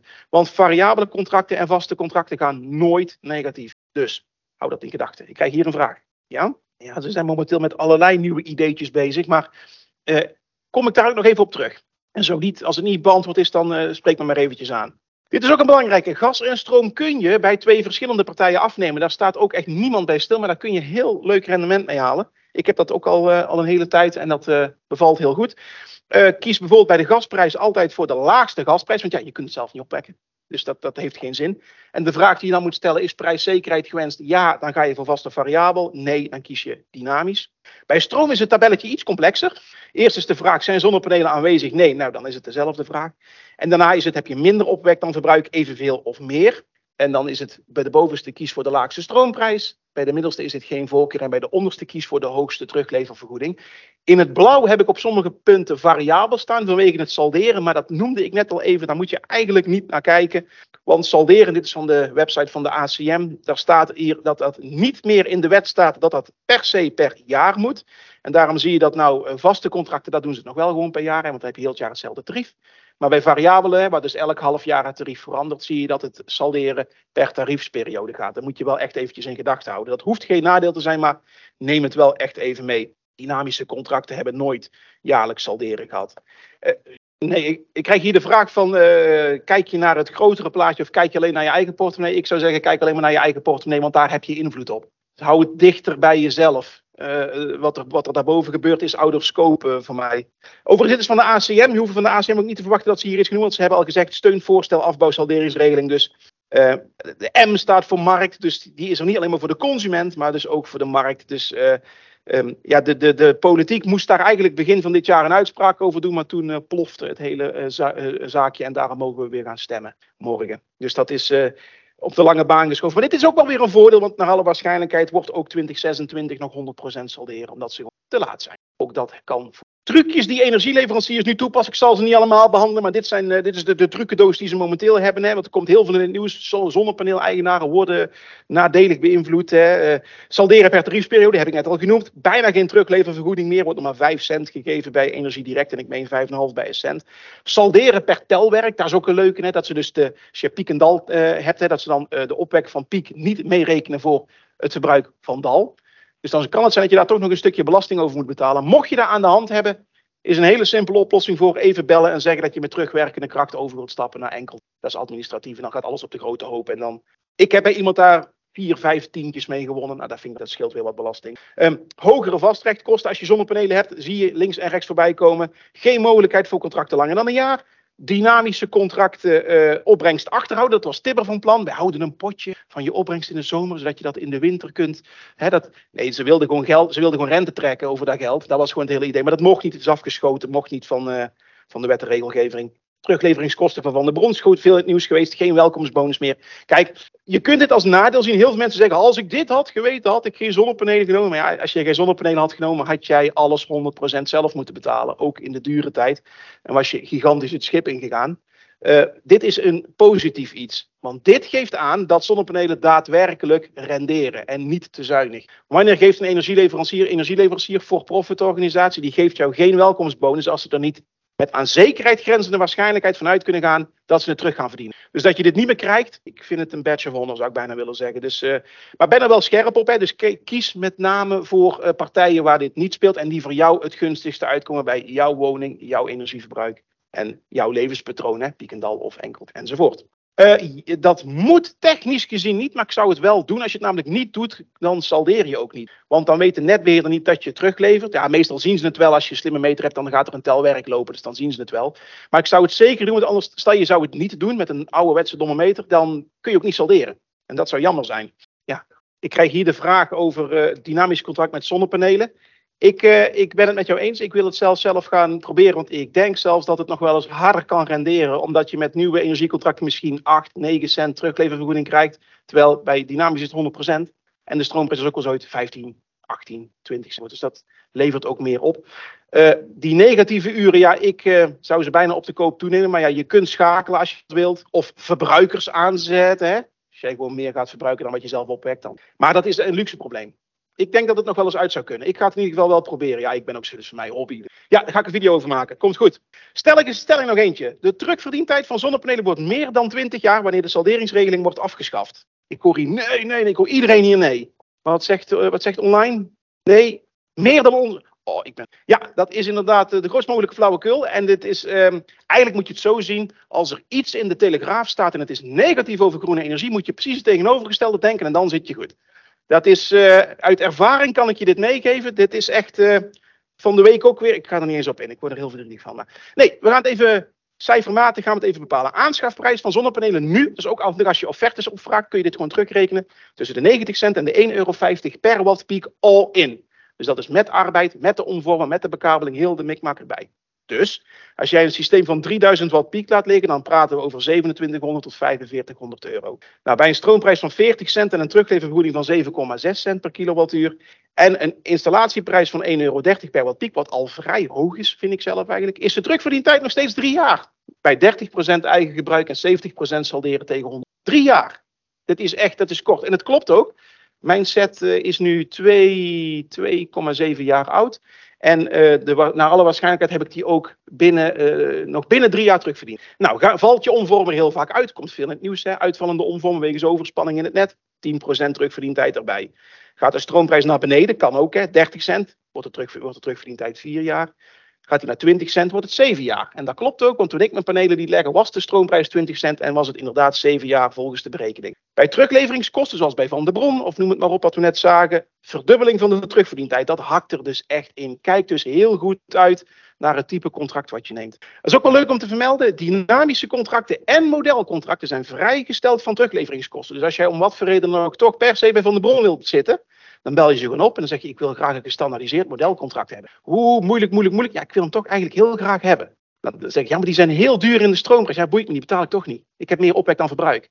En dan geven ze jou, dan zijn ze verplicht, Europees centraal geregeld, of ja, centraal geregeld, dan moet gestandaardiseerd moet dat zijn. En die zijn vrijgesteld van terugleverkosten. Dus neem dat even mee. Dynamische contracten ook. Over je nog een vraag? Ja. Uh, en dan de, de stroomprijs in mijn geval kaal. Want ik betaal geen belasting. Dus ik had de belastingcomponent laten ik af. Dus bruto. Ja. Nou, als de salderingsregeling wordt afgebouwd straks, dan gaat er nog één jaartje komt er dan bij voor panelen die dit jaar nog zijn gelegd. En in aller worst case scenario praten we nog steeds over zeven jaar en daar heb ik destijds voor getekend. Dus ik persoonlijk vind het niet zo spannend wat er nu aan de hand is. Dus mocht je nog geen panelen hebben, neem ze. Dat is mijn advies. Om, omwille van de tijd ga ik er eventjes wat eh, sneller doorheen. Elektrisch vervoer vind ik nog even een leuke. 100% laden uit de zon. Dat is echt heel interessant. Het koppelen van je solaromvormer met je laadpunt heb ik thuis werkend en dat is echt een, eh, een feest. Dat kan klassiek met spoelen, hè, dat hij dus bepaalt met die spoelen hoeveel dat je eigen woning verbruikt of wat er teruggeleverd wordt. Of, en dat heb ik, Modbus over TCP. Dus tussen de omvormer en het laadpunt voor de auto gaat gewoon via het LAN, uh, wordt elke 10 seconden wordt uh, de opwek van je panelen wordt gecommuniceerd, zodat hij weet wat er thuis in, de woning wordt verbruikt en hoeveel er geëxporteerd wordt. Je laat je elektrische auto dan alleen met de stroom die je anders zou exporteren. En dat is natuurlijk interessant. Dat is BTW en energiebelastingvrij, want het blijft binnen. Je hebt geen terugleveringskosten en je betaalt geen accijns. Dit is in feite milieubewuste rode diesel. Dus dat is echt wel een, een heel leuk iets. En dat is ook losstaand van de salderingsregeling overigens. Nou, de enige vereiste die dat, die dat met zich meebrengt, is er moet minimaal 6 ampère, oftewel 1400 watt aan exportvermogen zijn. Dus, dat zie je hier ook in het plaatje. Hè? De zwarte lijn is de elektrische auto die oplaadt en het gele lijntje is je zonneopwek. Nou, s morgens komt de zon op. En dat stippenlijntje is die 1400 watt. Nou, je kunt je om of je laadpunt instellen, heb ik zelf ook gedaan, dat als hij boven die 1400 watt uitkomt, dan gaat de relais om en begint hij te laden. En die volgt netjes te curven. Nou, dan komt de wolk voor de zon, gaat hij weer door die stippenlijn heen, stopt hij even met laden en daarna gaat hij weer door. Um, dit is echt, uh, dit is gewoon feest. Als je dit thuis hebt en je hebt heel veel zonnepanelen, dan rij je echt letterlijk zo goed als voor niks. Kilometerprijs dan. Hè? Um, dus dit is echt een heel leuk. Hoe ziet dat eruit? Trouwens, als je naar de app gaat kijken, bijvoorbeeld hier. Uh, op dat moment, uh, mijn zonnepanelen leverden ruim 6 kilowatt aan vermogen.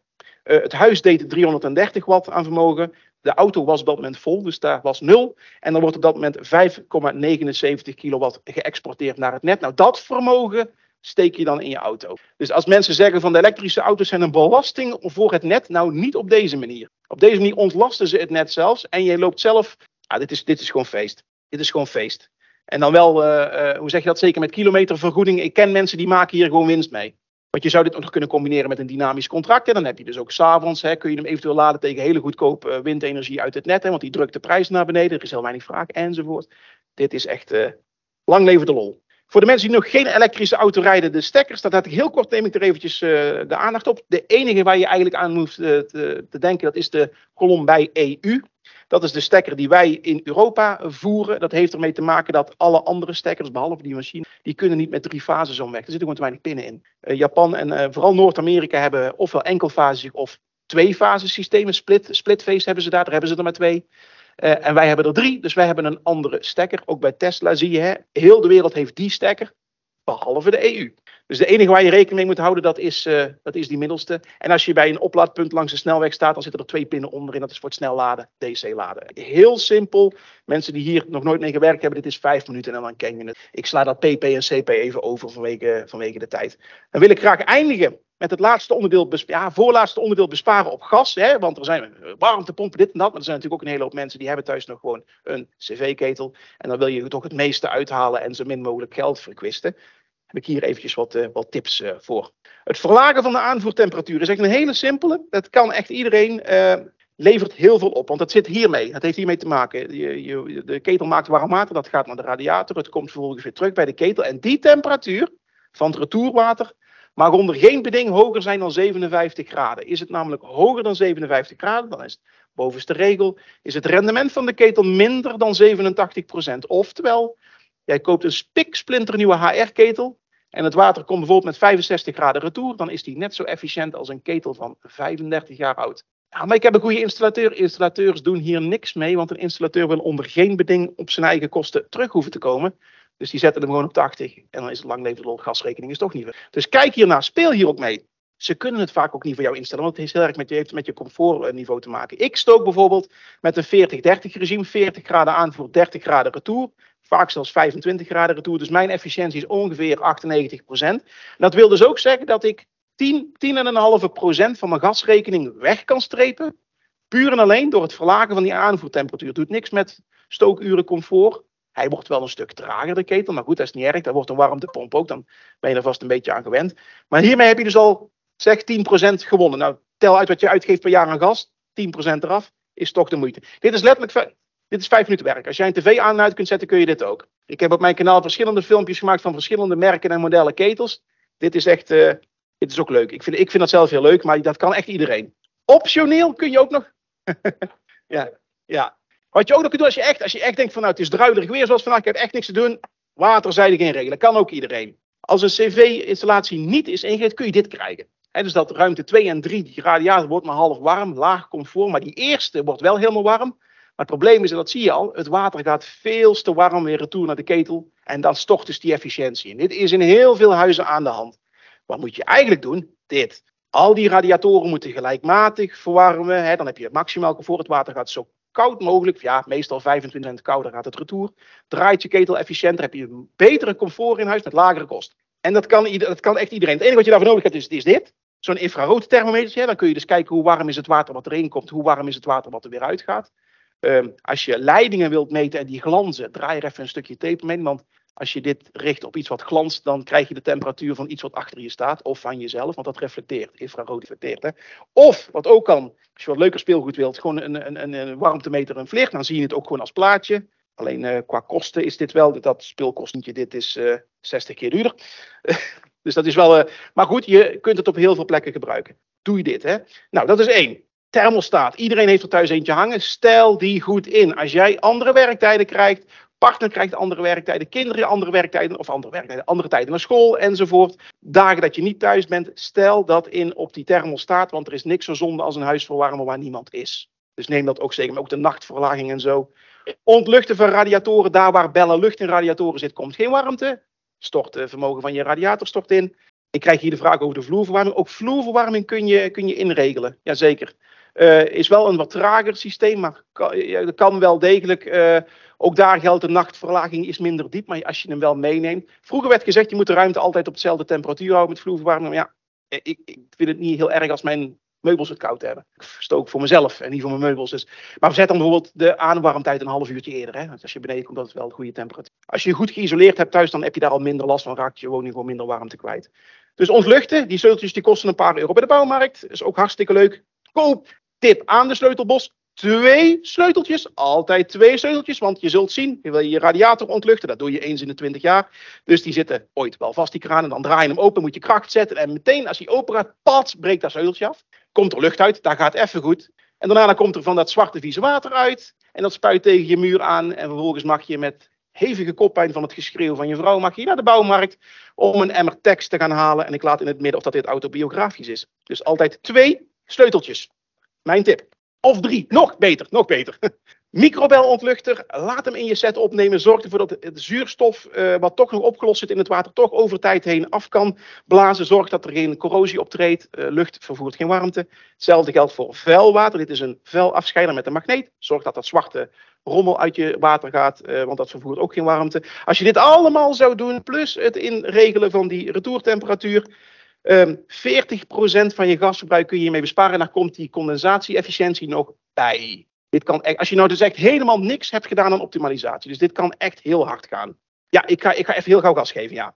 Salmonella en legionella, iedereen haalt het door elkaar. Het zijn altijd bacteriën. De ene is darminfectie, de andere is griepklachten. De ene zit in vlees en eieren en zuivel, de andere zit in besmet water. De ene krijgt diarree van de andere longontsteking. En afhankelijk van hoe slecht je gezondheid is, ga je er wel of niet dood van.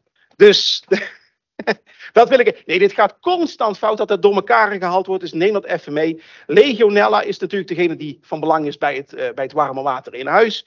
Um, Besmet water moet minstens een week stil. Het moet de hele week tussen de 25 en 45 graden zijn. Het moet de legionelle bacterie bevatten. Zit niet altijd in water. Het moet er wel in zitten. En er moeten voedingsstoffen aanwezig zijn, onder andere metalen.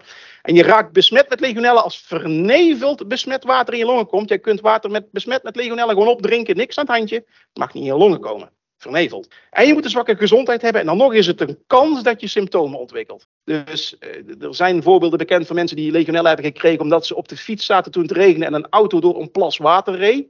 Dat vernevelde, er zat legionella in, sloeg op de longen, boem, besmet. Kan. Maar uh, het is, neem dat even mee. Het is niet zo spannend als het is. Maar als je bijvoorbeeld mensen in het gezin hebt die zwakke gezondheid hebben, dan doe daar je voordeel mee. Ja, uh, daar ben ik nog over aan het nadenken of dat dat, of dat, dat kan. Ik sla dit stukje eventjes over. Uh, dat, ja, daar kom ik nog wel een keertje op terug. Um, en dan wil ik graag uh, hiermee de presentatie beëindigen. Maar dan voordat ik hem wil beëindigen, wil ik graag toch uh, van de gelegenheid gebruik maken om even iemand naar voren te vragen. En degene die het behelst, die denkt naar bij de rijgen van, oh god, het zal toch. Jawel, Heidi van Mierlo. Ik zie haar in de zaal zitten. Die wil ik graag even naar voren halen om van de gelegenheid te Heidi, ja, nee, het verhaal is eigenlijk als volgt. Ik sta hier naar deze lezingen te geven. Ik ben op YouTube ben ik, uh, actief met uh, alle duurzaamheidszaken. en uh, nou lijkt het alsof ik dat allemaal zelf heb verzonnen, maar dat is helemaal. Dankzij Heidi is het eigenlijk allemaal begonnen. Heidi werkt bij SNS Regio Eindhoven als duurzaamheidsadviseur. En in 2018 alweer heeft zij out of the blue, want wij kenden elkaar niet, mij een mail gestuurd. Deze mail.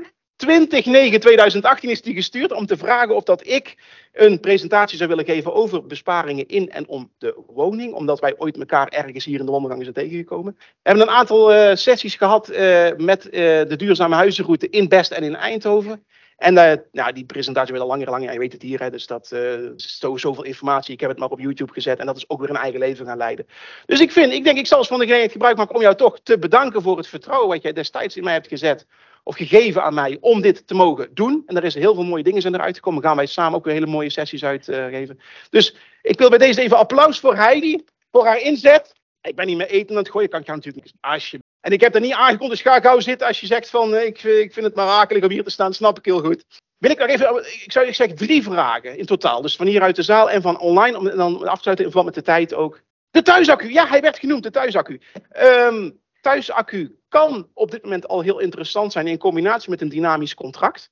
Uh, omdat natuurlijk bij dynamische contracten kun je ook terugleveren aan het net. En dan zou het bijvoorbeeld heel gunstig kunnen zijn om je zonneopwek van overdag, s'avonds rond etenstijd, terug naar het net te duwen. Of s'nachts heel goedkoop laden en s ochtends weer terugverkopen aan het net. Er zijn al oplossingen die dat helemaal geautomatiseerd voor jou doen, afgaande op jouw doorlopende patroon. Iedereen die bij de geheime dienst werkt, weet je, schaduwt iemand een week en dan ken je hem. Dus dat kan AI ook, wat je heel vaak uh, in software ziet zitten bij uh, accu's. Uh, alleen het punt is, je mag nu nog steeds salderen. Als dat er dadelijk eenmaal afgaat, dan vindt dat wel een grote vlucht. Je ziet het nou ook in België. Heel veel accu's worden daar verkocht. omdat namelijk zonder een, een thuisaccu verbruik je, afhankelijk van hoe groot je zonneset is, 30% van je, verbruik, van je verbruik je meteen zelf. Dus dat blijft binnen. En 70 wordt geëxporteerd, 70%. Als jij een, eh, een thuisaccu laat plaatsen, dan kan dat makkelijk omflippen. En je hebt naar vanand eigenlijk maar heel weinig nodig. Want je moet eigenlijk nagaan, wat verbruik ik s'nachts? Wat dus tussen zonsondergang en zonsopgang. Dat moet je namelijk kunnen overbruggen. Je kunt wel een grotere accu neerzetten, dat kan wel. Alleen de vraag is of dat eh, investeringstechnisch gezien zinnig is. Dan zou je kunnen zeggen van dan kies ik hem liever modulair. Dan begin ik bijvoorbeeld met 5 kilowattuur. als dat toch te weinig is, dan maak ik er 10 van. De sessie is bijvoorbeeld een heel mooi product uh, wat je modulair kunt uh, toepassen. Kan met alle omvormers werken, kan zelfs zonder zonnepanelen werken. Sessie, S-E-S-S-Y, is een Nederlands bedrijf ergens uit het oosten van het land. En dat is nou een, een product, 3250 euro voor elke 5 kilowattuur. En je kunt daar gewoon de zonnepanelen doorheen lussen. Je kunt hem koppelen met je P1-poortje op, de, op je slimme meter. En het is eigenlijk met alles te koppelen wat er is. Dus dat is ook wel een hele leuke. Maar ook bijvoorbeeld van Enphase en van SolarEdge heb je ook de accu's. Nou, ik krijg hier de vraag over het uitschakelen van zonnepanelen. Dat kunnen ze niet centraal. Uh, dat, is, uh, dat is gewoon een gevolg van het feit dat de netspanning hoger wordt dan 253 volt. Dat is 230 plus 10 procent. Dan zijn ze ingesteld, dan moeten ze van de netcode plat gaan. Maar als jij een thuisaccu hebt, of je zet gewoon een, oven aan, dan dipt de stroom of de netspanning een beetje en dan gaan je panelen weer aan. Dus overigens, als je dat aan de hand hebt, ik heb iemand gehad bij mij in, in de familie die, wat je dan moet doen, je moet s'nachts de netspanning meten. En bij die bekende mij was hij s'nachts 240 volt. Ik zeg, ja, dat is 10 te hoog. Bellen naar de netbeheerder, moeten ze hem eventjes in de wijkstation, moeten ze hem even op een andere wikkeling prikken. Het moet s'nachts 230 zijn. En toen ging ze overdag zijn panelen gingen niet meer uit. Eén telefoontje, ik, weet niet hoeveel duizenden euro's dat dat scheelde. Dus uh, maak er ook gebruik van. Ik zie dat als één vraag. Twee, tweede vraag. Online nog vragen hier? Ja, doe maar online. Uh, ja, is prima. Contact me even los. Wat meer, uh, meer uitleg achter, ja. Uh, de vraag over de zones, want misschien de vraag, die wordt de vraag uh, over zones in combinatie met radiatoren. Contact mij eventjes los, want daar zit, daar zit heel veel haken in. De vraag krijg ik of dat de waardes mogen worden uitgegeven. Ja, uit de slimme meter als jij gas en stroom bij een andere partij afneemt. Dat weet ik niet, maar ik denk, ja, wat moeten zij met jouw stroomverbruik als zij niet de facturerende partij zijn, zou je dan zeggen. Ik sta, mag me ook even los contacten, want ik weet niet waar de context van die vraag is. Je moet, twee, je moet sowieso twee keer P4 mag je geven per energie aanbieden, maar bijvoorbeeld als jij gas bij de een hebt, die mag jou, ja, wat heeft hij jouw stroom stroomstanden? Niks. Dat was vraag 2. Nou, vraag 3, de laatste. Kun je, je auto gebruiken als accu? Het antwoord daarop is eigenlijk nee. En dat heeft ermee te maken dat bijna geen enkele auto vehicle to grid ondersteunt momenteel. Dus dat stroom ook van de auto terug naar het huis kan. Dat wordt door bijna geen enkel merk wordt dat nog ondersteund. En um, ja, maar dat is één model. Er zijn volgens mij twee modellen die hier in Europa te koop zijn die het kunnen. En alle andere elektrische auto's kunnen het niet. Dus dat is uh, nog, niet, uh, nog niet heel uh, toepasbaar. En heel veel oplaadpunten kunnen ook niet de andere kant op. Ik krijg hier de opmerking dat het nog niet van de wet mag, maar in een zonnepaneelset doet eigenlijk hetzelfde. Die levert ook terug. Dus een, thuisaccu, een thuisaccu is eigenlijk een elektrische auto zonder wielen. Dus net hoe je het bekijkt. Dan wil ik het hier graag bij laten. Ik wil zowel hier de mensen in de zaal bedanken als de mensen die online zijn. Mocht jij nog vragen of opmerkingen hebben, uh, contact mij gerust als je dat wilt. Ik ben via Teams gewoon bereikbaar. De gegevens staan hier in beeld. En uh, ja, ik hoop dat jullie er iets mee kunnen en dat, het, uh, dat ik toch iets heb gebracht wat jullie nog niet wisten. Want dat was mijn doel. Vooral dingen brengen die nog niet al honderd keer verteld zijn. En nou, wellicht tot een volgende keer en dank jullie wel.